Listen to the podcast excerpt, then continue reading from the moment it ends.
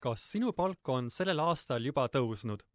valitsuse värskem ülevaade toob välja tööstusharud, milles esineb suurim palgatõus ja millised kogevad raskusi.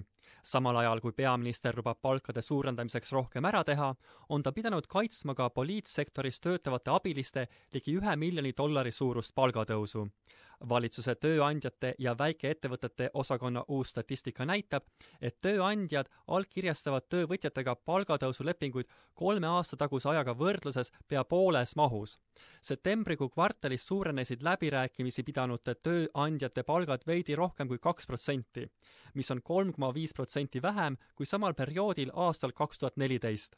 peaminister Malcolm Turnbull lubab, et palgakasvu suurendamine on tema uus fookus my government's determination is to ensure that we do everything we can to put more money into the pockets of hard-working Australian families. To, and, and you can see we're, we're doing that already. We're seeing strong jobs growth across the country. What we want to see now is stronger growth in wages.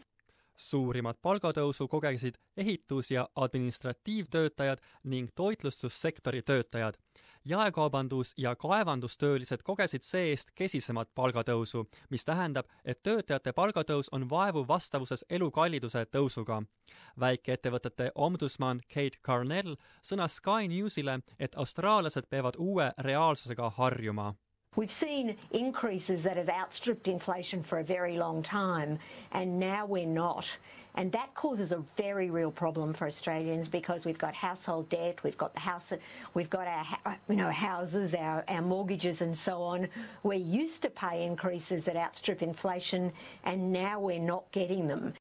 opositsiooni tööhõiveminister Brendan O'Connor ütles, et valitsus ei tegutse palgatõusu nimel piisavalt. People are struggling to make ends meet. When Malcolm Turnbull says he is doing everything he can, Clearly the evidence says otherwise.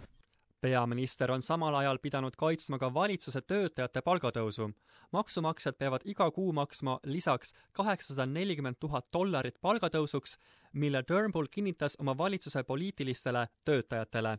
meediaaruannete põhjal on Turnbull isiklikult sekkunud kolmekümne valitsuse töötaja palgatõusu suurendamisse.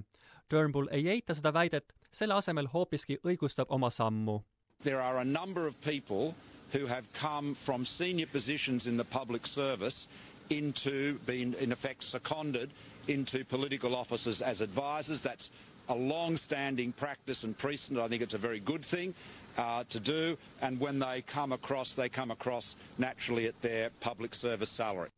Labori partei esindaja Brendan O'Connor ütleb, et peaminister on selliselt käitunud alatult, tõstes palku töötajatel, kes niigi on juba hästi tasustatud This is, a, this is a Prime Minister who clearly wants to provide massive tax cuts to the multinational companies and the big banks. He wants to provide tax cuts uh, to millionaires. A Prime Minister that's totally out of touch with what's going on.